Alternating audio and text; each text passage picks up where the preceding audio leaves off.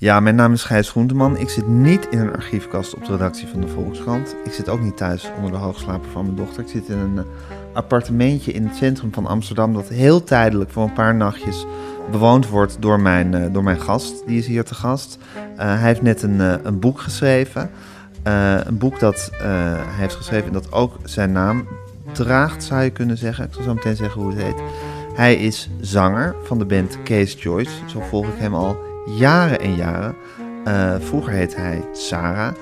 Uh, tegenwoordig is hij, hij is daarna in transitie gegaan en gaat tegenwoordig uh, door het leven als Sam. Over dat proces, maar ook over alle andere dingen in het leven. Over wie hij allemaal is en ja, hoe hij zich voelt over alles. Hoe hij gekomen is tot het punt waar hij nu is in zijn leven. Gaat het boek. Zijn naam is Sam Bettens. het boek heet Ik Ben. Sam Bettens. En ik ga nu met hem praten. Luister naar mijn interview met Sam Bettens. Zo, waar zijn we Sam? In het hartje Amsterdam. In het hartje Amsterdam, hè? Ja. In wat voor een huis zitten we? Ik zit hier in het huis van het uh, Literair Fonds. Ik voel me echt een, uh, ik voel me echt een auteur deze week. Je bent ook echt een auteur deze week. Even je boek erbij pakken. Hier is het. Jouw geloofsbrieven. Je Ja. verhaal. Ja. Hoe vond je het om het te schrijven? Ik vond het echt een heel fijn proces. Ik, vind het zeker niet, ik vond het zeker niet makkelijk, maar ik wil het echt opnieuw doen. Ik weet niet waar ik het dan over ga schrijven, maar ik heb er eigenlijk echt van genoten. En ook wat ik niet echt verwachtte, ik heb het boek zelf geschreven, maar toch is het nog echt een teamproject. Ja. Eh, en daar had ik op voor het niet, zo, niet zozeer bij stilgestaan. En dat, dat vond ik, ik vond het ook echt heel leuk, de samenwerking. Hou je daarvan, van teamprojecten? Ja, absoluut. Ja? Ja, ja. Echt, eh, dat, daar gaat het toch wel om. Dat is met muziek hetzelfde. Ja. Ik, samen dingen maken. Dat je met z'n allen iets maakt. Ja. En bij schrijven had je daar eigenlijk niet op gerekend. Nee, daar had ik eigenlijk niet, niet op Nee. gerekend. En dat is toch zo'n grote rol dat de redacteur speelt. En dan alle mensen die eraan samenwerken en nalezen. En het is echt zo, toch weer een team effort. Dat vond Ja. ik heel leuk. Ja, en wie zaten er in het team? Eh, ja, Marcia was mijn, eh, was mijn redacteur. Ja. Die had ik dus nog nooit tot vorige week in levende lijven Marcia ontmoet. Holman. Ja. Ja. Ehm, en eh, ja, dat is echt je zo... had alles via de computer met Alles via de computer. En dat is echt wel vreemd, want dat gaat natuurlijk redelijk... Dat zijn intense gesprekken soms, en diepe gesprekken. En zo echt een vriendschap eigenlijk creëren via Zoom, dat had ik nog niet eh, Nog niet eerder gedaan. meegemaakt. Nee. Nee. nee, dat zijn ook een beetje de jaren die achter ons liggen, hè, waarin Ja. dat soort dingen ineens eh, gebeurden. Absoluut. Ja. ja. Wat was voor jou eigenlijk, wat was voor jou de cue om dat boek te gaan schrijven? Ja, sowieso, dat is Magda mij benaderd heeft, want ik denk dat ik het nooit zou gedurfd hebben als niemand mij gevraagd had van, eh, of, of ik daar interesse in had. Waarom zou je het dan niet gedurfd hebben? Ja, een, een, eh, een song is één ding en een column heb ik ook al wel eens geschreven, maar dat is, dat is eh, vergeleken met een boek is zo'n grote opdracht en ook niet echt weten of ik genoeg te vertellen had en of ik het op een, op een entertainend eh, genoeg manier kon vertellen om, om mensen te boeien. Dat zou ik zelf nooit... dat zou ik van mezelf nooit gedacht hebben van ja, ik kan dat wel, dat lukt wel. Nee, precies. Daar heb je dat duwtje voor nodig. Ja, en, want in het begin was er nog sprake van, ja, misschien kan ik het met iemand samenschrijven. En ik zei, ja, ik zou eigenlijk wel, ik zou het eigenlijk wel eens willen proberen. En dan moeten jullie maar heel eerlijk, want met, een song kan ik ondertussen na 30 jaar wel zeggen van, ik vind dit goed genoeg. Maar als het op een boek aankomt, kan ik echt, echt wel feedback voor nodig. En eh, gelukkig, ik had een paar pagina's geschreven. En ehm, ja, de feedback was meteen heel positief. Van mij denken dat jij dit kan. En dan, eh, oké, als jullie denken dat ik dit kan, dan, Dan ga ik wel door. Dan geloof ik jullie. Ja. en dan doe ik wel gewoon door. Ja. Ja. En wat, is, wat, wat, wat, wat, wat maak je mee als je zo'n boek schrijft? Wat zo dicht bij jezelf ligt? Ja, het is toch wel... Ik, eh, ik heb nooit zo acht uur op een dag geschreven of zo. Want je, het is wel echt... Het is nodig dat je een beetje dieper gaat en dat je zo wat verder gaat dan die typische dagelijkse cirkeltjes die altijd maar aan hetzelfde begin en einde komen in, in je hoofd. En Mhm. de bedoeling is toch om, om daar iets, eh, om de laag eronder te ontdekken. Om eigenlijk heel diep na te denken wat, dat, wat daar toch onder zit, onder die cirkeltjes. Ja, Ja. Wat, wat, wat, eh, waarom is dit een oncomfortabel gevoel? Dus meestal duwen we dat, duwen we dat oncomfortabel gevoel dan weg en denken aan iets anders. Maar als je een boek aan het schrijven bent, dan gaat, dan gaat dat niet. Dan moet je echt wel even het, het voelen en uitdiepen waarom. En waarom is dit nog moeilijk? En waarom, waarom vind ik dit niet, niet makkelijk om over te praten? En... ehm, dus ik vond het best wel intens op dat vlak. En, en eh, ja, zelfs, ik zeg ergens therapeutisch, en dat is misschien een beetje te sterk, maar toch zo kunnen vertellen en, en eh, zoals ik zei, net iets dieper moeten gaan, heeft mij toch wel, ja, heeft mij toch wel tot inzichten gebracht. En, en misschien wel net iets, ehm, als je alles zo eens opzomt Ja. en, en alles is nu bij elkaar, en ik heb het boek dan natuurlijk ook al vijf, zes keer herlezen Ja. dan is er toch zo'n soort, ja, ik zal niet zeggen dat het, dat, dat het afgerond is, maar er is toch zo'n soort hoofdstuk dat, dan, dat je dan even kan afsluiten. Ja, het grappige is, ja, ik, want ik zit nu op Twitter iets op te zoeken. Ik, zet- ik ben geabonneerd op de Twitter-feed van Rick Rubin, Mhm. jou ongetwijfeld bekend. En eh, die heeft altijd van die soort, soort, ja, vind ik fantastische soort spreuken of, of ja, ideeën over het creatieve proces, die hij dan deelt op Twitter. En eh, vandaag had hij dit eh, tegeltje. Ja, jouw jouw jouw Engels is vast beter dan het mijne. Dus lees, lees jij hem eens voor. Sometimes the therapeutic value of making the work is the outcome. And that's enough. Nou, daar moest ik aan denken. toen Ja, dat is heel mooi. Ja, Dat is, ja, daar kan ik mij echt helemaal in vinden. Ja. ja. ja. Eh, soms kan dat natuurlijk ook gewoon de waarde van iets zijn. Dat je, net, dat je er gewoon doorheen moet voor jezelf. Ja, Ja. absoluut. En ik denk dat, dat creatief bezig zijn, ik denk daarom dat, daarom dat creatieve mensen ook gewoon creatief moeten zijn. Ehm, ook al eh, leidt het tot niets en is- komt er niet echt iets moois uit, maar Ja. gewoon toch die drang om iets, ehm, ja, Te om iets, uit het niets te maken. Ja, dat vind ik dus, dat vind ik dus een van de, nou misschien wel het fascinerendste aspect van mensen als diersoort. Dat er gewoon een heleboel exemplaren zijn, waaronder jij er een, waarvan jij er één bent, die gewoon dat in zich hebben dat er, iets, dat er iets gemaakt moet worden. Dat het op een of andere manier, er moet iets uit en dat is pijnlijk ook vaak en ook helemaal niet altijd een leuk proces of prettig. Maar het is gewoon, het is niet anders. Er Ja. moeten dingen gemaakt worden. Ja, Ja, Ja, dat is en- toch raadselachtig, hè? ja dat is raadselachtig. En Ja. het is ook zo dat het niet genoeg is om bijvoorbeeld met Case Choice blijft het nu, zeker na 30 jaar, dat is een uitdaging om dat te blijven vinden. Ja. Binnen een project dat al zo lang bestaat. Precies. En Die band is er al zo lang en die constellatie is er al zo lang. En jullie hebben al zoveel liedjes geschreven. Maar je moet eigenlijk uithoeken blijven vinden om weer nieuwe liedjes uit, te- uit te trekken. absoluut, Ja. omdat die drang er echt nog is. En het is niet genoeg. En het is zelfs bijna ehm, deprimerend om alleen maar oude dingen te spelen. Niet omdat ik die songs niet Ja. meer goed vind, maar, of omdat ik er niet trots op ben, of het niet, live niet leuk is om te Ja. spelen. Het is absoluut leuk om te spelen, maar het is niet genoeg. Nee. Ik moet nog wel zeker... Oké, het is 30 jaar geleden en toch heb ik het gevoel, ja, maar ik kan nog wel, ik kan nog wel betere dingen Ja, maken dan dat ook. Dat vind ik ook altijd het moeilijke van eh, popsterren. Het grappig, in je boek, eh, je hebt het boek eigenlijk opgedeeld in hoofdstukken over alle ja, entiteiten die je bent eigenlijk.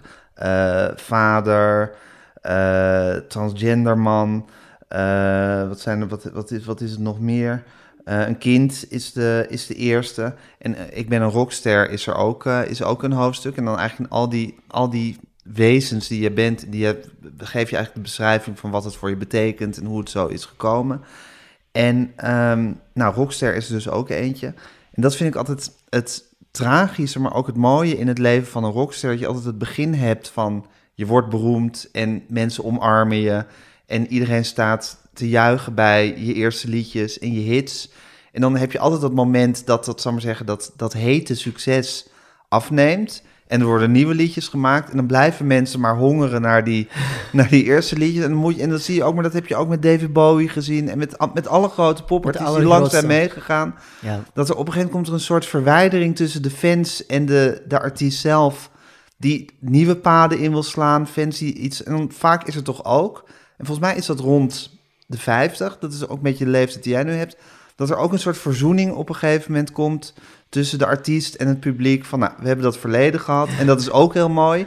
Dat zag je bij Bowie ook. Die zong op een gegeven moment ook weer gewoon met liefde eh, zijn oude repertoire. En toch ook nieuwe dingen. Wordt dan ook, dan, dat moet, moet een soort... Ja, ze moeten at terms komen of zo daarmee. Ja, dat is echt een, eh, dat is een tricky evenwicht Ja. eh, om te vinden. En inderdaad, misschien is wel waar wat je zegt, dat echt de leeftijd ook gewoon daarbij helpt. Omdat je, Ehm, als twintiger eh, of als, zelfs als dertiger, alles is altijd vooruit. Je bent altijd vooruit Ja. aan het kijken van what's next? Wat Ja. komt er nu? Wat, wat is er nog mogelijk? Kan het nog beter? Kan het nog groter? Terwijl op je vijftigste heb je zoiets van wauw, wat zijn er nog? Ja, precies. Dat is ongelooflijk. Ja, je Dus is leeft een- überhaupt nog. Ja, dus Ja. er is een, een, een heel grote dankbaarheid. Ja, Die, ik was best wel dankbaar ook toen ik 25 was. En het is niet dat het allemaal aan mij voorbij gegaan is, dat het zo leuk was en, en, en dat wij toch wel heel fijne dingen hebben mogen meemaken. Maar het is toch wel heel anders op je 50ste. En ook, ik, ik heb nu een, opnieuw een waardering voor. Niet dat ik mezelf meer au serieus neem, zeker niet. Maar ik heb terug een waardering gekregen voor wat het is om live te spelen en wat het doet met andere mensen. Dus er was een periode waar ik daar het belang niet echt van inzag. Het werd, het, het- ik, ik had zoiets van, ik, we hebben hier al eens gestaan, het is eigenlijk altijd hetzelfde. ja, Mensen willen alleen maar de drie grootste hits horen. precies. En ik, ehm, ik vond het niet belangrijk. Nee, Ehm, en nu heb ik terug een waardering van, maar ja, maar we zijn allemaal samen Ja. op dit moment. ja. Ehm, We hebben dit meegemaakt hebben met z'n allen. We hebben dit allemaal samen meegemaakt. En niemand anders. Ja. Alleen de mensen die hier, hier zijn, hebben het meegemaakt. En we hebben iedereen, inclusief onszelf, even twee uur weggenomen uit ons dagdagelijkse saaie dingen.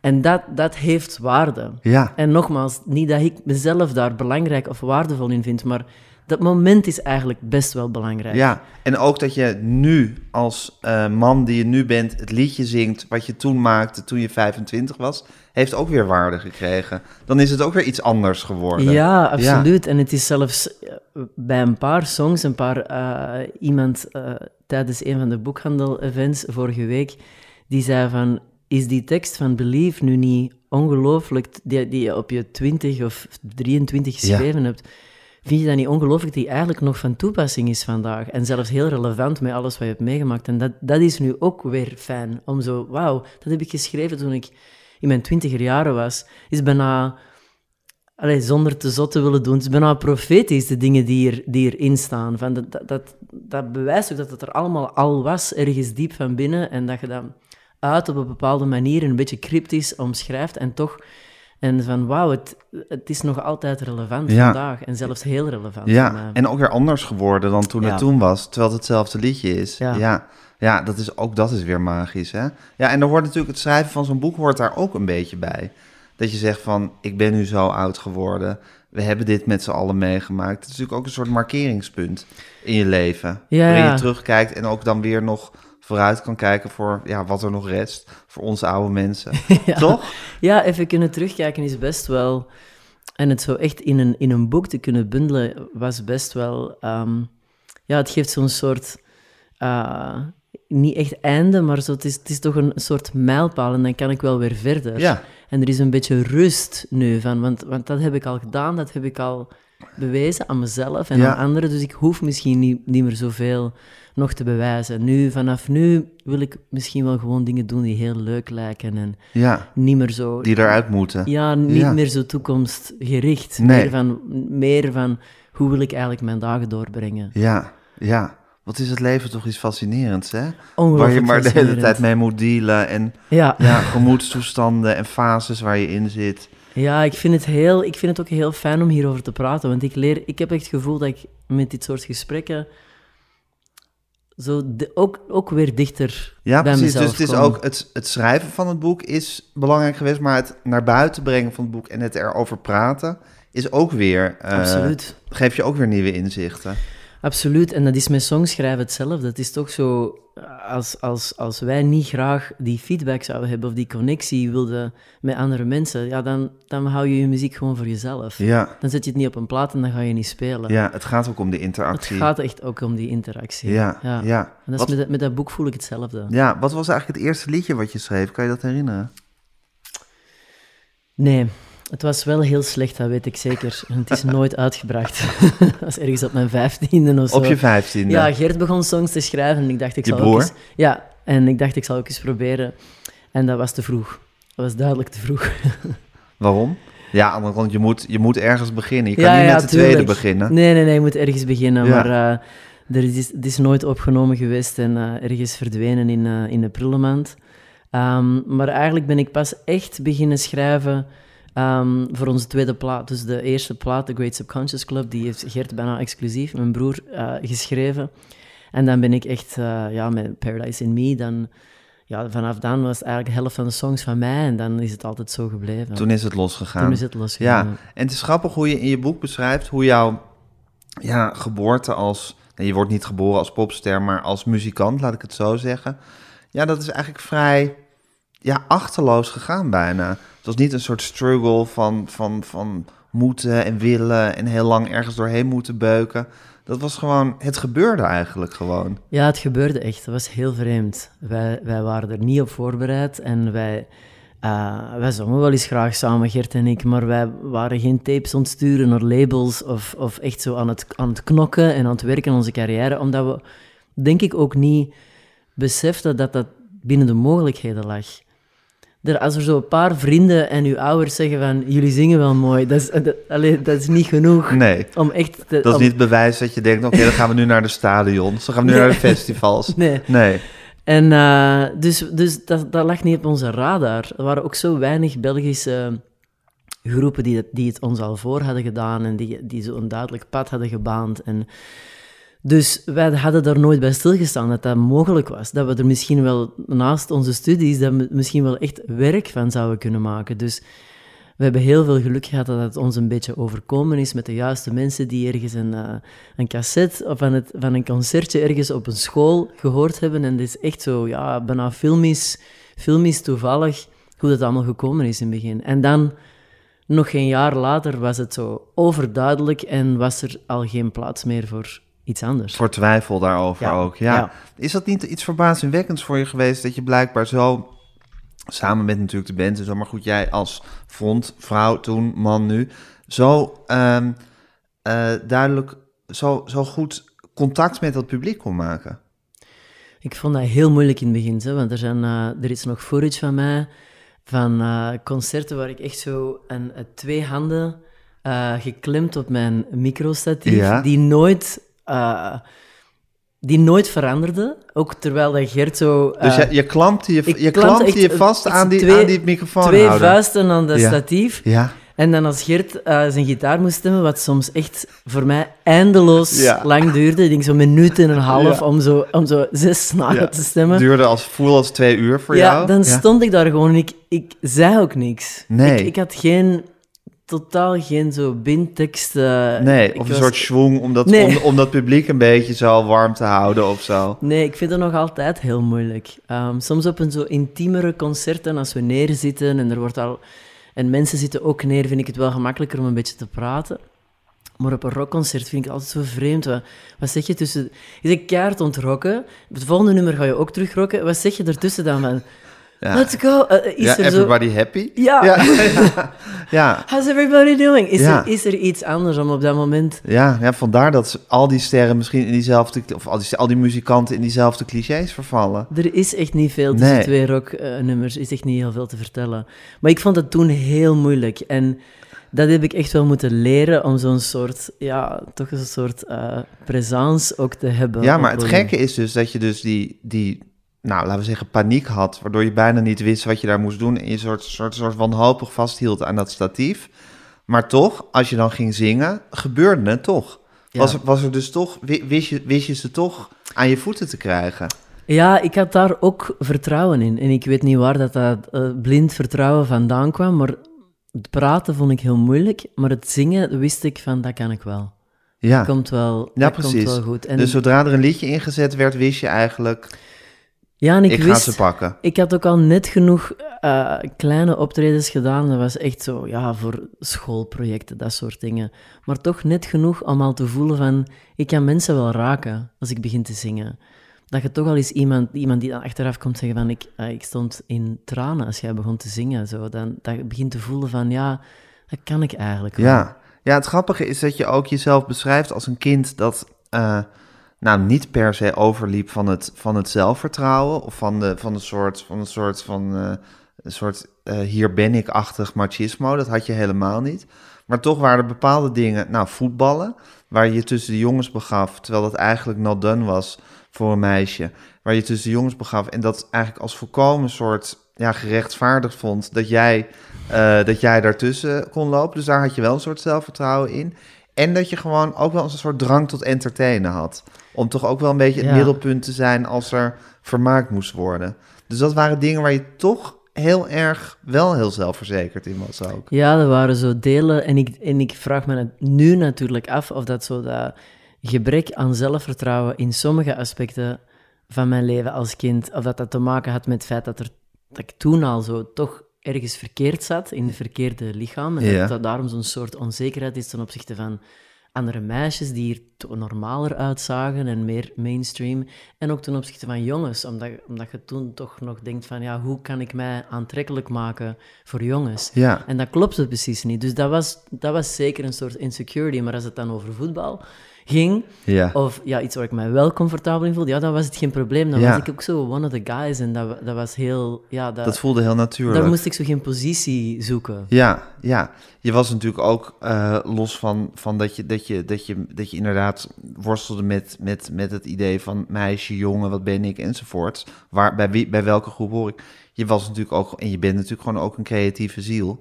En daar hoort natuurlijk ook een soort kwetsbaarheid bij. Een soort kruising tussen een soort, soort. Je moet natuurlijk ook kwetsbaar zijn als je creatief bent. Ja. Omdat je toch altijd je, toch altijd een beetje met je ziel te koop loopt of zo. En eh, wat natuurlijk als kind lastig is, omdat het altijd makkelijker is om soort veilig in de groep eh, te zitten.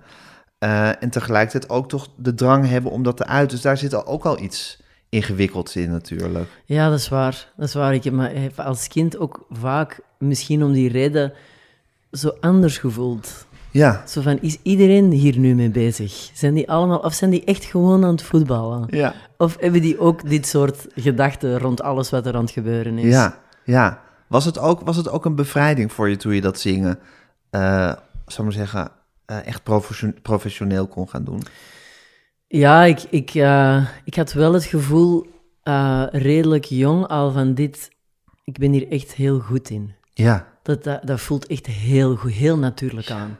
Heel goed. Dus het was ook niet zo moeilijk om dan op mijn twintigste te zeggen van ja, ik stop met naar school gaan. Dat heeft geen zin meer, want dit is echt... dit is echt... dit is het. Dit is het, ja. Ja. Ik heb het gevonden. Ja, dat is op zich wel weer geweldig om iets te vinden waarvan je gewoon echt zelf de overtuiging kan hebben. Ja, Ik ben hier goed in. ja. Toch? Dat is, dat Ja, is, dat is tuurlijk. alweer een cadeau natuurlijk. ja dat is absoluut een geschenk. Ja. Kan je analyseren waarom je er zo goed in bent? Nee. Nee, dat Nee. Is, het is er gewoon. Het is, mijn, mijn, ik ben altijd wel trots geweest op mijn stem, maar dat is zo'n rare trots, want ik heb er ook niets voor moeten doen.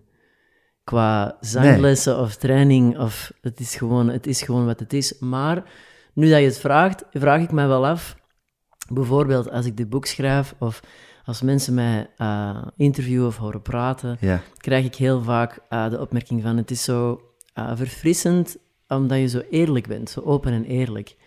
En ik vraag me af of dat, dat toch iets is dat mensen voelen ook als je zingt en als je, en als je muziek schrijft.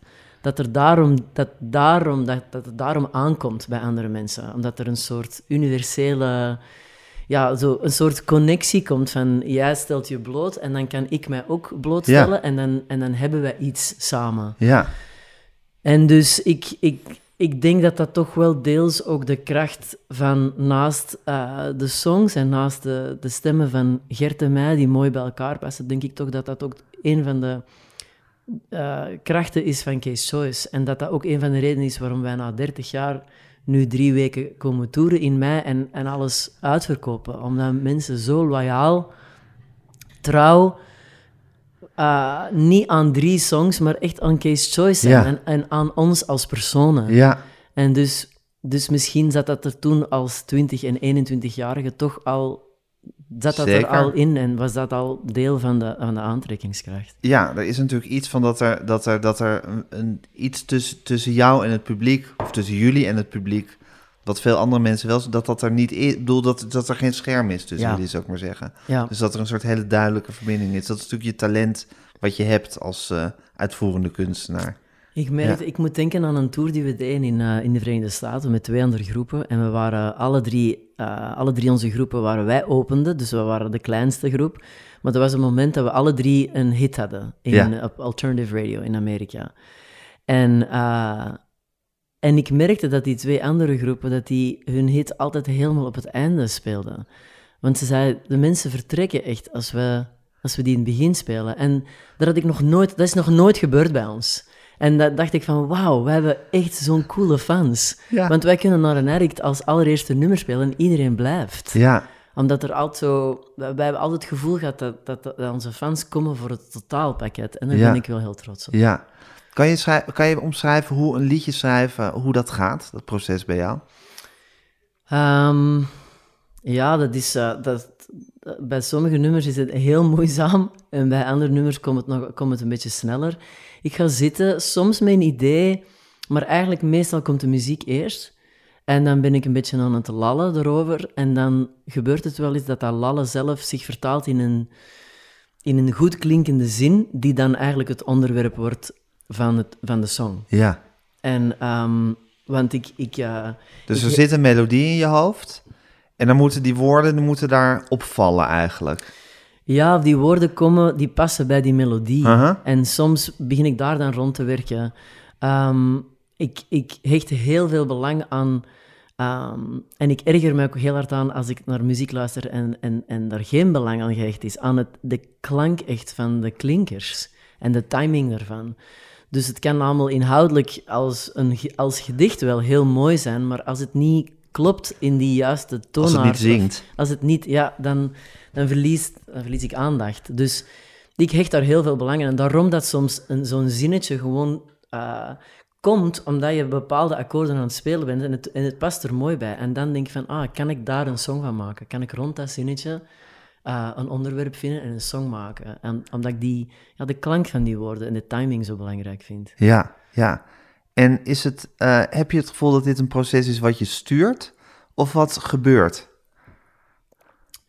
Ehm, vroeger, ik weet nog dat Gert en ik zo alleen maar konden schrijven als de, als de maan juist stond. En eh, je hebt zo zeven uur tijd en je bent alleen. En, allee, zo, eh, al die criteria. Dus Ja. eigenlijk- en nu is echt, dat, dat is belachelijk. Je moet gewoon gaan zitten en schrijven. Ja, Dat er, moet geen, eh, er moeten geen kaarsen... eh, er hoeven geen kaarsen te zijn. Het hoeft niet echt op het juiste melancholische moment te zijn. Je moet soms gewoon, net als met dit boek, gewoon gaan zitten en beginnen werken. ja, En er zijn dagen dat er echt absoluut niks gebeurt en dat je vijf uur proberen een song te schrijven en er is niets moois uitgekomen, niks dat je kunt bijhouden. Dan is het heel moeilijk om te zeggen, ik heb gewerkt vandaag, want er is dus niks, er is geen resultaat. terwijl je harder gewerkt hebt dan ooit waarschijnlijk. ja, is, dat is natuurlijk echt hard werken. echt hard Proberen werken. zonder dat er iets Ja, lukt. zonder dat er iets Ja, komt. En soms schrijf je in een uur drie liedjes, bij wijze van spreken. Bij wijze van spreken dat je gewoon zo een paar, toch, of, of een start van een lied en, en dat het echt gewoon komt. Ja, dat, is, dat zijn gewoon goede dagen en slechte dagen, maar net zoals met schrijven, je moet gewoon gaan zitten en beginnen. Ja. Je moet wel een klein beetje tijd hebben. Ik zal nooit, als ik zo een half uurtje tussendoor, ik zal, zal ik nooit aan, aan iets beginnen. Ik wil wel zo een, een uur of twee, drie weten dat ik nergens naartoe moet, dat ik niks hoef te doen, dat je even kunt experimenteren en, even, en niet gerust zelfs zo. Dat is eigenlijk het enige. Maar Ja. het is echt gewoon neerzitten en schrijven. ja, heb je grote voorbeelden in de muziek eigenlijk? Ehm, ja, ik was als, als, eh, als kind heel grote Eurythmics-fan. En, eh, en ook, allee, vooral ook Annie Lennox, hoe zij zich... Ik heb ze live gezien als ik 18 was en dat was echt eh, bijna levensveranderend op dat moment. Vertel eens.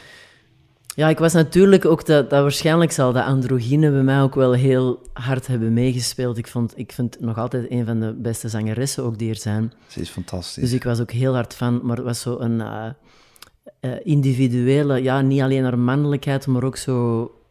Er wa- ik kon haar ook met niemand vergelijken. Het was zo een persoonlijkheid. En live, waar ik eigenlijk nog het meeste van heb genoten, is dat ze zich ongelooflijk bleek te amuseren. En dat is mij heel hard bijgebleven. Ja? Van, ja dat wil ik ook, dat wil ik ook wel Waar zag je haar? Waar zag je ze? Eh, in Vorst, in Brussel. In Forst. Ja, Ja, en eh, je zag gewoon dat ze het naar haar zin had op dat toneel. Ja, die, die, eh, dat, was, dat, dat kwam zo over. Van, van, als je het gevoel hebt dat iemand zich aan het amuseren is, ja, dan, dan, dan heb je ook veel meer plezier. En of dat het echt waar is, of dat ze het heel goed kan faken, dat zal, ik heb ze nooit ontmoet. Dat maakt dus ook ik, helemaal niet uit, Ik zal het nooit weten.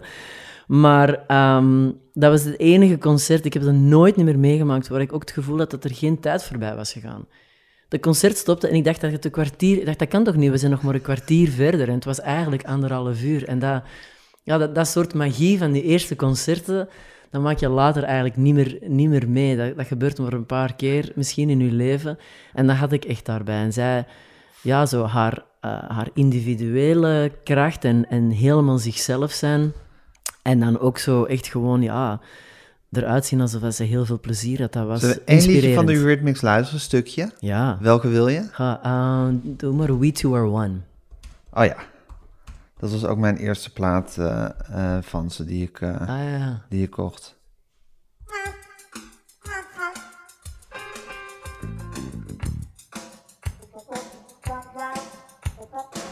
Was die, was die tour ook. Was het die tour? Ja.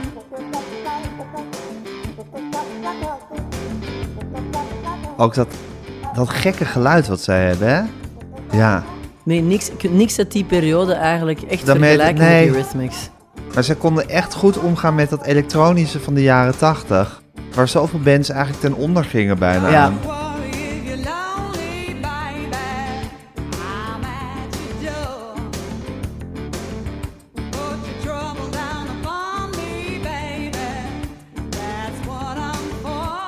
Zij ramt toch ook gewoon meteen bij je naar binnen als je er hoort. Dat is toch onontkoombaar? Ja, en ook zo, zoveel attitude. Zo baby, zo echt Ja. zo, zoveel attitude zat er ook in. Ja. En dat was ook zo bewonderenswaardig.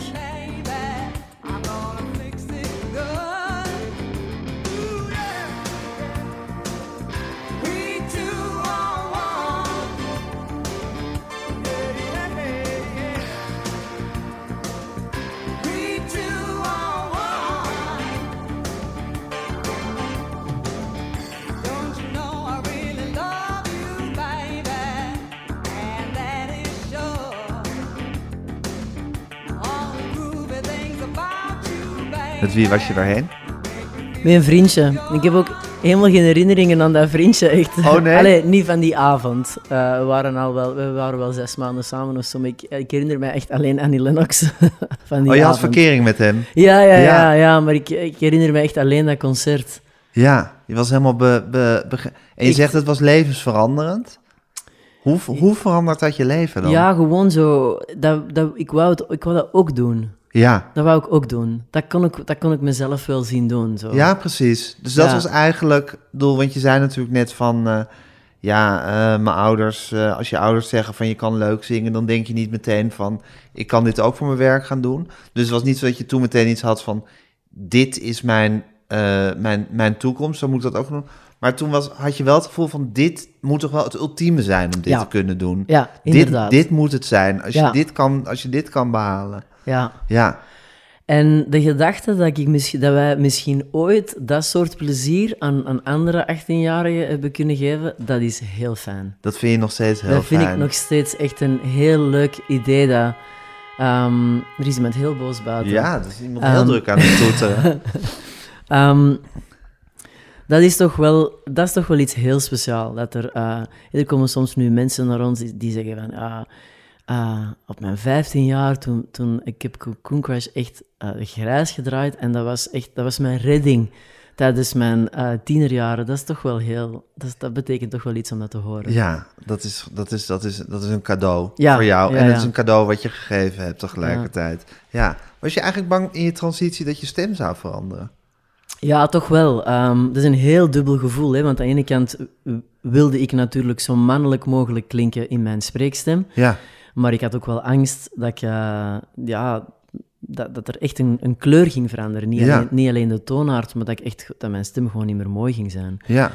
Dus dat is nog altijd een heel dubbel gevoel dat ik erover heb. Want ik, ik zou best nog wel een mannelijke, mannelijke stem willen om te praten, maar ik ben tegelijkertijd ook zo dankbaar dat, dat alles nog lukt. We moeten de, de songs, de meeste oude Case Choice songs, wel een, een toonaard of Toontje twee lager, soms eh, ja. naar beneden halen, maar ik kan ze toch tenminste nog zingen en ze klinken nog mooi. Dus dat, dat, daar ben ik wel, allee, dat, is, dat is belangrijker. Ja, ja, ja.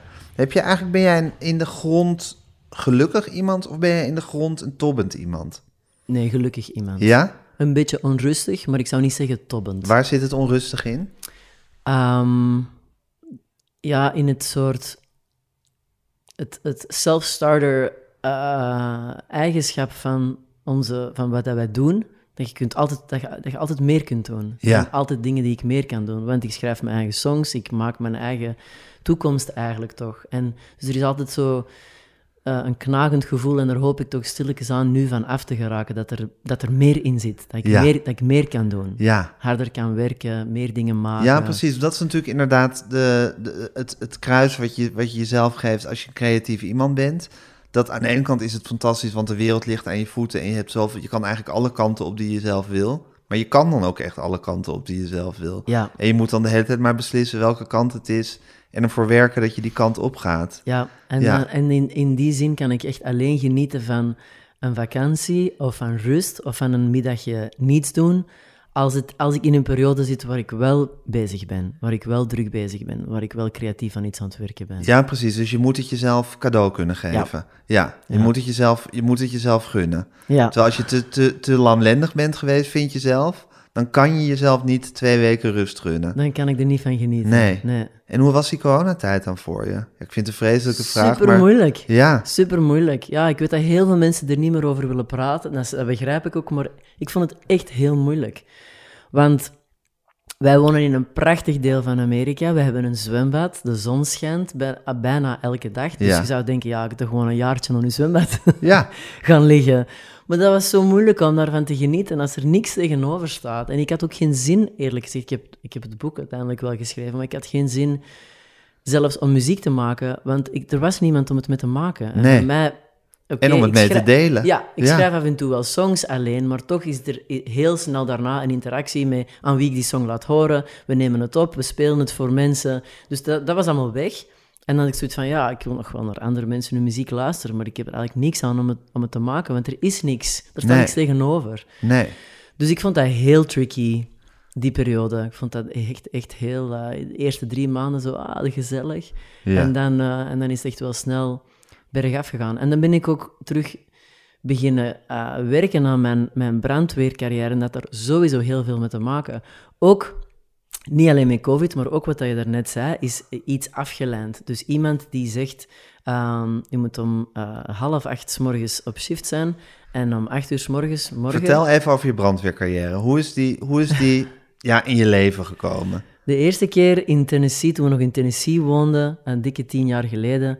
En ehm, ik, ik zat in zo'n periode waar Case Choice mij eh, oud leek en niet meer vernieuwend. En Ja. voor mij ook niet meer uitdagend. Ja, En ik wou iets totaal anders dat doen. was dat gevoel dat je dacht van ja, wat moeten we, wat moeten we er nog mee ja, eigenlijk? ik moet even zo daar eh, een beetje weg van de muziekbusiness. Ja. En, eh, en iets heel tastbaar doen en iets fysiek. En ik denk dat we, dat, dat dat niet zo abnormaal is voor, een, voor iemand die altijd een self-starter carrière gehad heeft, om dan ook naar iets op zoek te gaan dat, dat concreter was. En echt zo, echt zo voelbaar. En ehm, ik heb toen drie jaar bij de brand, het is dus gelukt. Ik heb drie jaar bij de brandweer gewerkt, nog wel gespeeld tussendoor, was belachelijk druk. Dan zijn we naar Maar Californië. die brandweer die drong zich gewoon op min of meer. Je, voel, je werd er gewoon ingezogen eigenlijk. Ja, ik, Toch? ik voelde me er ook echt thuis. Ja. Dus ik vond het Ja, een maar je heel... liep daar langs en ik dacht, ik moet, daar, ik moet daarheen. Ik moet hierin, in die kazerne. Ja, dat was echt heel... Allee, iedereen verklaarde mij eh, gek. Ook omdat dat ja, bijna niet betaalde. Nee, en, dus gevaarlijk is. Niet echt... eh, en gevaarlijk Ja. is. En, en, en je hebt toch wel andere talenten. Ja. dingen die je kan doen Ja, met je leven. En er zijn binnen de muziek toch nog andere dingen dat je kan doen dan een Case plaat maken. Dus iedereen dacht echt dat dat... En het, was ook, het, het leek ook wel een redelijk zot ding om te doen. En toch, ik had, de aantrekkingskracht was te groot. En, en eh, ik ben ervoor gegaan. En ik heb er, het was een moeilijke periode, vooral voor mijn vrouw. Want we hadden twee kleine kindjes. Dat was echt, eh, en ik moest dan tussendoor toch nog naar Europa om te gaan spelen. En dan op shift, als ik thuis kwam, was echt eh, heel veel. Ehm, dan zijn we drie jaar later verhuisd naar Californië, ehm, waar mijn vrouw geboren is. En we wilden, we wilden sowieso, als onze grote kinderen het huis uit waren, terug naar Californië gaan. Zij wilde dicht, dichter bij haar moeder zijn, die toen ziek was. En eh, ja, dan was het brandweerverhaal een beetje voorbij. Ehm, ik zag het niet echt zitten om helemaal opnieuw te beginnen. Dat was heel moeilijk. En plus, mijn vrouw was bezig met haar moeder, dus er was eigenlijk geen tijd om dat soort dingen te doen. En tijdens COVID is het dan teruggekomen ja. de drang om, om, om daar terug, terug aan die carrière te beginnen werken. En eh, om een lang verhaal kort te maken, anderhalf jaar eigenlijk heel intensief bezig geweest aan het diploma's halen en studeren en solliciteren. eh, fysiek mij, voorbereiden, om dan uiteindelijk toch terug aangenomen te worden. Om dan een maand later te beseffen dat ik echt eh, te oud en niet, sterk genoeg meer ben om, om deze job te doen, zeker als beginneling. Dus, dus nu zit ik hier terug als muzikant slash schrijver. Ja, en toch is dat brandweermanschap iets wat ook heel diep in je zit. Zoals dat, zoals dat liedjes schrijven of boeken schrijven, maar het, je creatief uiten is ook iets wat gewoon bij jou hoort.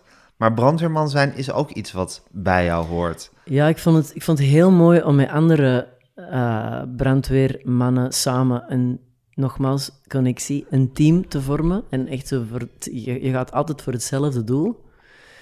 En ook de contact met mensen die soms in, eh, in hun aller eh, eh, moeilijkste momenten, waar je toch zo'n soort troost kan zijn of kan helpen op een of andere manier, daar heb ik ook wel echt voldoening uit gekregen. Om Hoe zo- is het om brandweerman te zijn? ja, het is best wel... ehm, het is heel intens. Ik heb er heel veel respect voor. want ik, je ziet verschrikkelijke dingen die ik dus sindsdien nooit meer gezien heb en die de meeste mensen nooit zien. Verschrikkelijke ongelukken, mensen die heel ziek zijn, eh, mensen die op sterven liggen. ehm, je, ja, er is toch, je moet er zo'n plaats voor vinden. Dat vind ik niet gemakkelijk. En je ziet ook gewoon heel veel ellende. Omdat de meeste bezoeken die wij... eh, er zijn uiteindelijk heel weinig branden nog, dus het meeste wat wij doen is medisch. Ja. En je komt Mensen ook die een hartaanval hebben gekregen. Ja. Bijvoorbeeld als eerste reanimatie word je ook vaak als brandweerman. eh, En je komt ook heel vaak bij een laag van de bevolking waar wij eigenlijk in een, in, in een normale dag niet mee in contact komen. Mensen die heel arm zijn, die heel weinig hebben, kindjes die heel weinig hebben. Ehm, en en eh, ja, mijn ogen zijn wel een beetje geopend ook. Van wij, wij leven in zo onze eigen eh cocon, een beetje een bubbel van vrienden die allemaal gelijkgezind zijn en allemaal een vergelijkbaar inkomen. En Ehm, er is een hele, het is, is, niet zo een, ergens een half procentje van mensen. Er is echt een hele laag van de bevolking waar we eigenlijk nooit mee bezig zijn en nooit mee in contact komen.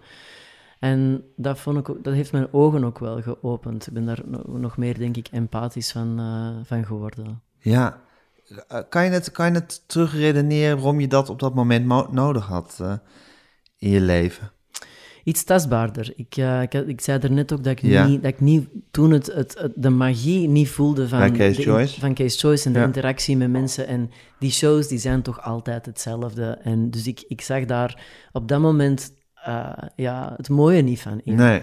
En ik wou echt iets doen voor iemand. Om- Ja. ik, ik, ik was ook zo trots om te zeggen, ik ben brandweerman. Ja. Ik ben, ik ben aan het helpen. Ik ben iets aan het doen. Ja. Op, op dat moment vond ik, muzikant zijn niet belangrijk genoeg. Nee. En bij brandweerman hoort dus dat inderdaad. En er hoort ook iets heel... eh, er zijn natuurlijk ook heel veel vrouwenbrand, maar er hoort ook iets heel broederlijks bij. Het is ook een beetje zoals dat voetbalteam, wat je, dat je altijd ging voetballen als kind met die jongens. Er hoort ook iets van onder elkaar Ja. en je bent er voor elkaar. En Voetbalteam, Tourbus. Ja, dat was Tourbus. eigenlijk echt heel vergelijkbaar. Altijd Ja. met mannen. En inderdaad, het is wel een heel mannelijk beroep. Het, of, of het, allee, als ik, er zijn inderdaad heel veel vrouwen, eh, veel ja, maar het is heel, ook, is- broederlijk. Ja, Heel erg zo van met elkaar. En, Ja, en, sowieso. en weet je, op die manier van we gaan er met z'n allen voor. ja, Achtig. ja. En dat zal ook wel iets te maken... Dat zal er ook wel ergens meegespeeld hebben, dat ik, dat ik die, die mannelijke, broederlijke kant ook nodig had en, en opzocht. Ja, En dat heb ik daar ook wel echt gevonden. Ik heb er vrienden in Tennessee ook vrienden voor het leven gemaakt, terwijl het dat mannen zijn waar ik anders nooit mee in contact zou gekomen zijn en die politiek ook heel anders denken dan mij. En toch hadden wij genoeg gemeen ja, om vrienden te worden. Dus Ja. dat vond ik ook heel speciaal. Daar heb ik ook veel uit geleerd. ja. Van, eh, want wij, wij zitten toch soms in een beetje een geprivilegeerd kringetje ehm, over dezelfde linkse dingen te praten. Ja, En dan is het wel eens interessant om, om, om echt eh, iemand te leren kennen die daar, die daar niet bij hoort. ja. En, en, die- En dan ook echt een connectie met hem te hebben. En dan niet per se van we gaan heel goed discussiëren, maar ook gewoon juist op een andere manier heel erg verbonden te zijn. met ja, elkaar. omdat we toch wel veel gemeen hebben. We willen alle twee het beste voor onze kinderen, we willen alle twee het beste eh, Ja. voor onze En vrouwen. je wil allebei mensen redden als het En we nodig willen is. allebei mensen redden. Ja. We, we hebben echt wel heel veel gemeen. En daar, daar heb ik... Ja, dat, ik ben heel dankbaar voor die ervaring. Omdat het toch wel ja, dat heeft me wel een bredere mens gemaakt, denk Ja, ik. Maar Sam, jij bent eigenlijk best wel iemand die volgens mij heel erg sterk eh, voelt wat je nodig hebt in je leven, als het zover is. Je hebt wel Ehm, een soort hele duidelijke intuïtie over waar jij heen moet zelf. Ja, en toch vertrouw ik mezelf niet altijd. Omdat ik zo impulsief ben soms. En, en eh, ik, vind dat, ik vind dat mooi dat je dat zegt. En er zijn inderdaad er zijn bewijzen waar ik het inderdaad wel heb gevoeld en de stap he- heb gezet en naar Amerika verhuisd en toch mijn, mijn ex verlaten. En toen ik mijn vrouw leerde kennen, dat, zijn, dat waren allemaal geen gemakkelijke stappen. En toen voelde ik wel van, dit moet ik echt doen. Ja, En toch, in de twijfel, in de aanloop naar mijn transitie, toch was ik echt zo vol twijfel. Van, van vertrouw ik mezelf eigenlijk nu wel? Of is dit weer zo een vlaag van, ik moet even iets anders doen? En, eh, ja maar toch alle, alle andere vlagen. Kijk, op zich is het ook wel weer, vind ik het ook wel weer interessant dat je dus aan de ene kant een intuïtief en impulsief iemand bent, maar aan de andere kant ook weer een soort eh, safety check altijd bij jezelf Ja. hebt. Dus dat je, dat, je, dat je ook weer niet een soort, soort dwaas bent die de Ja. hele tijd in zeven sloten tegelijk loopt. ja, Maar dat je dus, dus je ziet Annie Lennox en je voelt heel sterk van, nou, dit is eigenlijk, dit is toch het ultieme. Nou, dat is toch ook een pad wat je, wat je, wat je bent, gaan, bent gaan bewandelen. Je loopt op een gegeven moment langs die brandweerkazerne en je voelt heel erg van, nou, hier moet ik eigenlijk gewoon ingaan om dit te gaan doen. Nou, die transitie beschrijf je eigenlijk, het moment van de transitie, beschrijf je eigenlijk ook weer hetzelfde als dat je, dat je, je zat, je zat in een hele moeilijke periode. Je vrouw was, eh, was ziek geweest. En je moest heel veel, heel veel zorgen. En toch voelde je ineens heel sterk van dit moet ik eigenlijk gaan doen. Dus eh, zonder dat je dan een soort hysterisch erachteraan loopt, heb je wel echt steeds een soort heel duidelijk, duidelijke richting zie je voor jezelf. Is ook een talent op zich, dat om dat zo sterk te voelen. Als ik, als ik jou dat zo hoor beschrijven, ik ga dat gebruiken. Ik, ga dat- ik heb ineens net iets meer vertrouwen in mezelf. Ja, nou ja, maar goed, juist dat je het, dat je het, eh, dat je het vervolgens wel ook weer overdenkt, hoort, is natuurlijk, is natuurlijk ook weer een soort extra ehm, gave die je kan hebben. Dat je niet als een kip zonder kop Ja. achteraan loopt, maar dat je het wel laat bezinken, het een plek geeft, maar het vervolgens ook wel weer serieus neemt. ja, Ja, Wat ik me nog altijd afvraag, en wat nog altijd to- toch zo'n moeilijk punt is van waar komt dat vandaan, is waarom dat die dingen zo lang geduurd hebben. Zo, wat, wat, wat heb ik dan toch tegengehouden op een bepaald moment? Wat heeft mij dan toch weerhouden om... Waarom heeft het eh, zo lang geduurd voor ik doorhad dat ik eigenlijk op vrouwen viel en niet op mannen? Er waren toch wel ja, zo'n eh, duizenden red flags along Ja. the way waar ik het toch waar ik het zou kunnen beseffen Ja. hebben. En waarom heeft het allemaal zo lang geduurd? Waarom heb ik mij toch eigenlijk veel harder aangepast aan wat anderen van mij verwachten? Of wat ik dacht dat anderen van mij verwachten, dan, eh, dan het, eh, het sterke Annie Lennox-individu dat ik eigenlijk wou zijn. ja, Dat vind ik nog moeilijk. Van ja, oké, ik heb wel wat stappen genomen en ik heb een paar, misschien voor sommige mensen dappere stappen genomen. En, en omdat ik wist dat dat het juiste ding was. En toch vraag ik me af van waarom heeft dat allemaal zo lang geduurd? Ja, ik mag ik zeggen wat ik denk Ja, hoe, dat komt. Ik denk omdat dat komt dat je dus dat je dus eh, dat je een hele sterke eh, persoonlijkheid bent of hebt, hoe je dat wil zeggen, eh, maar dat je ook heel zachtaardig bent. En ik denk dat dat ook eh, je talent is als, eh, als, als eh, zanger, zou ik zeggen, als optredende artiest. Dat je aan de ene kant iemand ziet die, die heel duidelijk zichzelf is. En dat daar, ik bedoel, dat, dat moet elke, elke muzikant zijn die interessant is. Dat je denkt, daar staat echt een persoonlijkheid.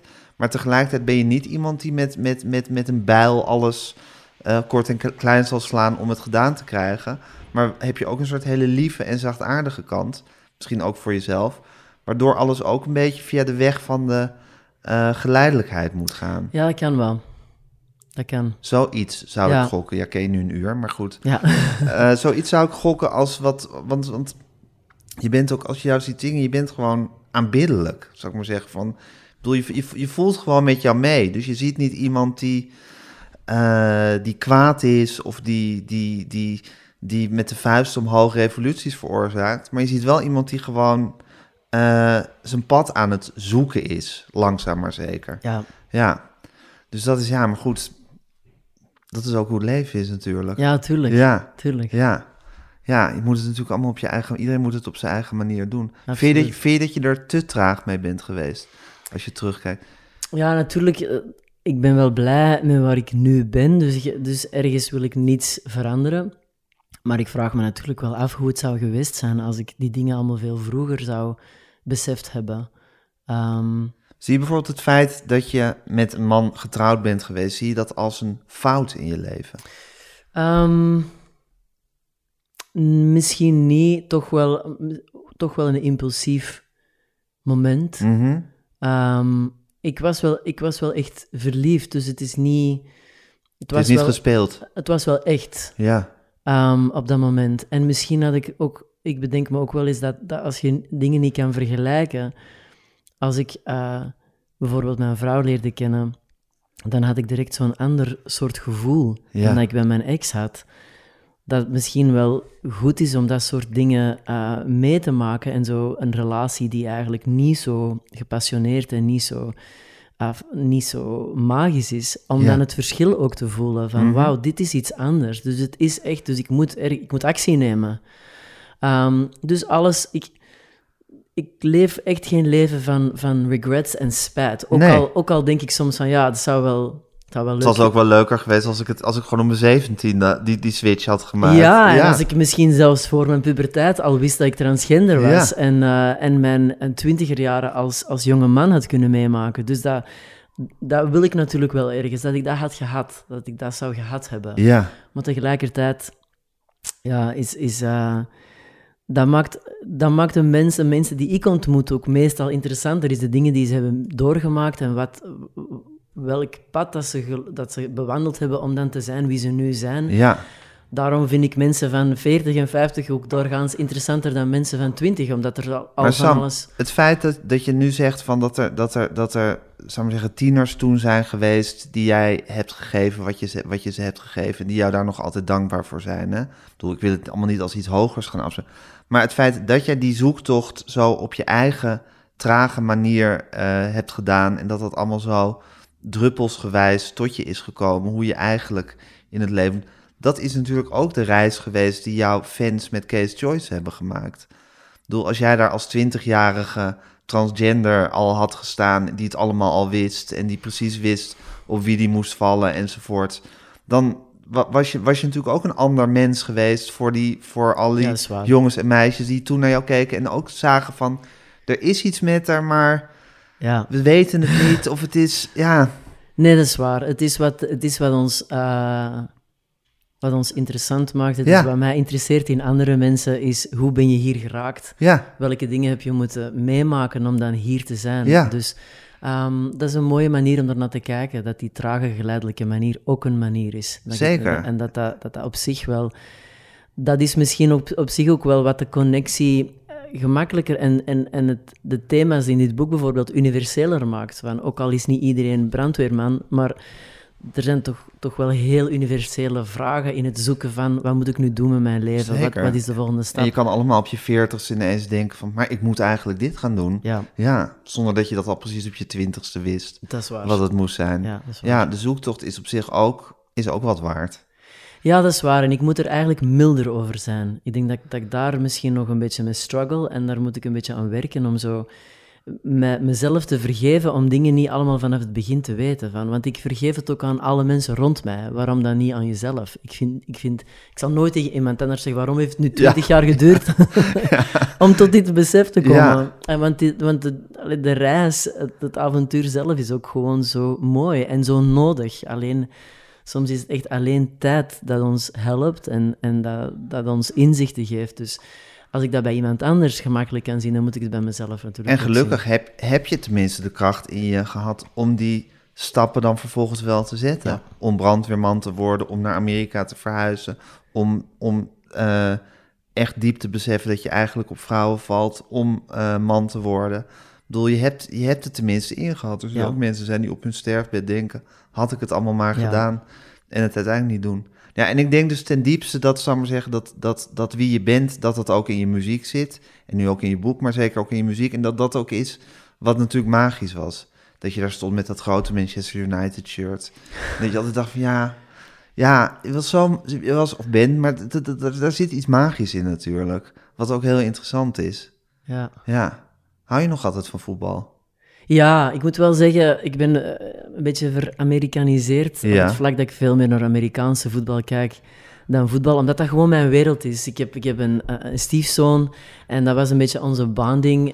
Ik was, hij, was, hij is nu 25, maar hij was toen vijf. Ja. En wij keken samen naar Amerikaanse voetbal, dus dat was, het, dat was een beetje het ding. In Amerikaans voetbal als, als in American voetbal? Ja, American precies. ja. Ja. dus niet naar soccer. Nee. Nee. En, eh, en dus ik heb ook niemand in mijn wereld dat nog naar, naar soccer kijkt. Dus ik, ik krijg af en toe wel... Er we hebben zo van die WhatsApp-groepjes en dan krijg ik wel wat informatie over wat er in België gebeurt. Meestal is het dan ja, onze manager uitlachen als Brugge verliest of zo. Ja. Ehm, maar, ehm, maar ik volg het niet meer zoals, zoals vroeger, behalve natuurlijk met eh, Europese kampioenschap of wereldbeker. Dan, Precies. Je Dan houdt ik heus nog wel van het spelletje, maar je zit er niet meer gewoon... ik zit er niet meer in en ik Nee. ben al jaren aan het overwegen om een MLS, een Major League Soccer team te kiezen, om er tot terug een beetje in te geraken, maar Ja. ik het voelt niet hetzelfde. Voetbal in Amerika is net zoiets als American voetbal in Europa. Dat is natuurlijk Dat niet... leeft niet op dat is- dezelfde... dat is het nee, niet. Nee, Nee, leeft nee. niet. Nee, nou, dat maakt ook niet uit. En hoe is het om Amerikaan te zijn? Ehm, ik, ik ben er echt wel graag. Ik voel mij, ik voel mij thuis zoals ik mij in, in België ook thuis voel. Dus ik, ik, ik woon er nu ook lang genoeg om zo de cultuur te begrijpen ook. En ik vind, het, ik vind Amerika, als ik mag kiezen, en ik, ik mag kiezen, en Mhm. ik heb Amerika gekozen, ehm, het voelt vrijer om daar te wonen. En, en natuurlijk is het een land van extreem en alles wat je op televisie ziet is ook zo.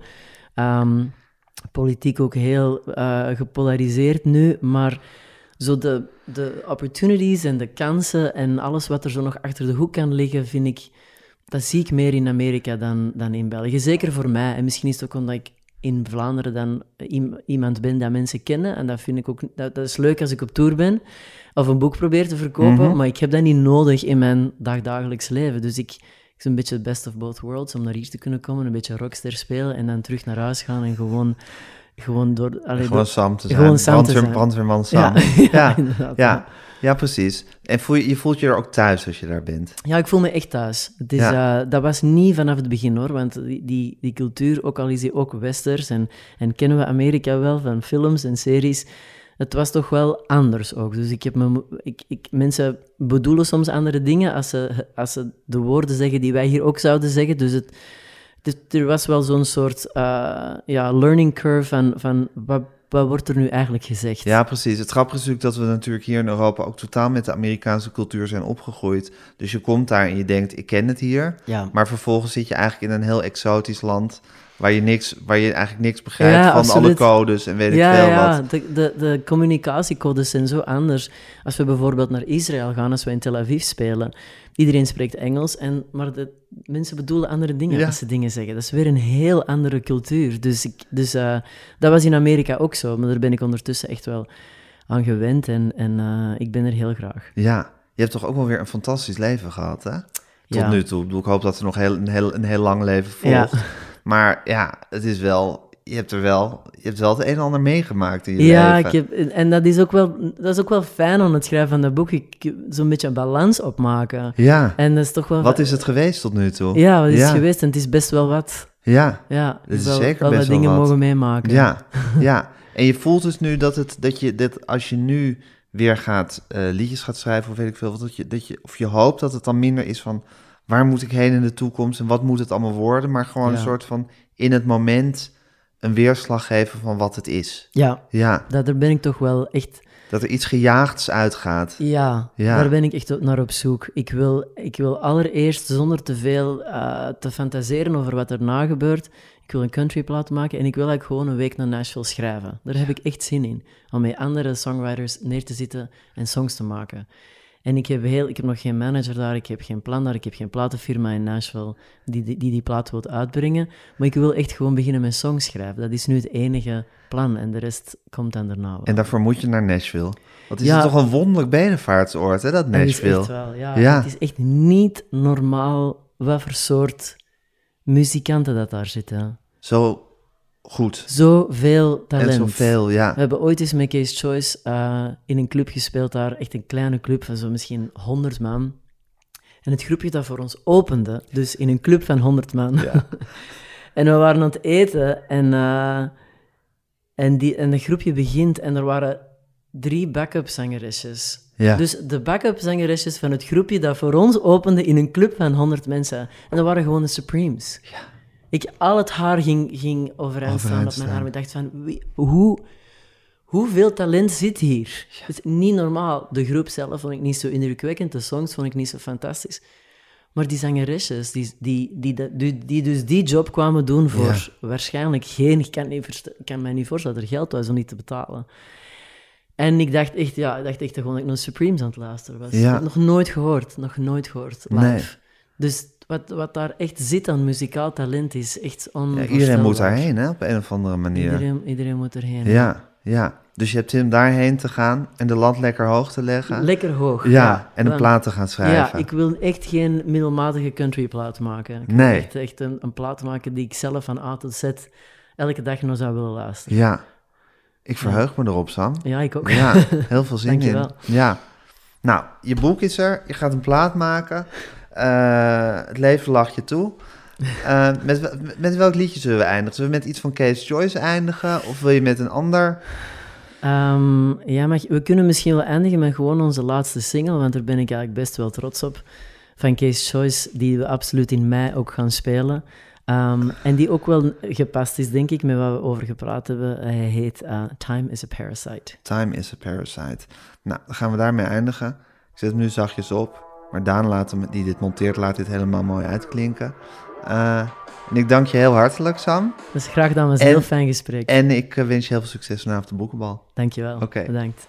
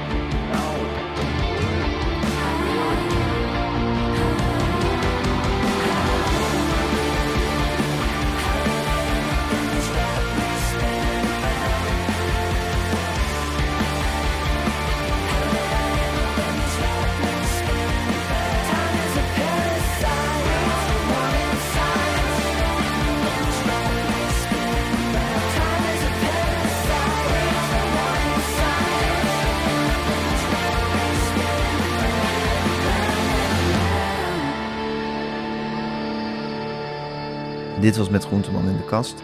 Met Sam Bettens. Mijn naam is Gijs Groenteman. Maakte deze podcast samen met Tamar Bot en Fanny van der Rijt. Alles netjes in uw oortjes bezorgd door Daan Hofstee. Eh, eindredactie Corine van Duin. Eh, u kunt zich op alle mogelijke manieren abonneren op deze podcast. U kunt ons een mailtje sturen. podcasts.volkskrant.nl Volg ons op Instagram.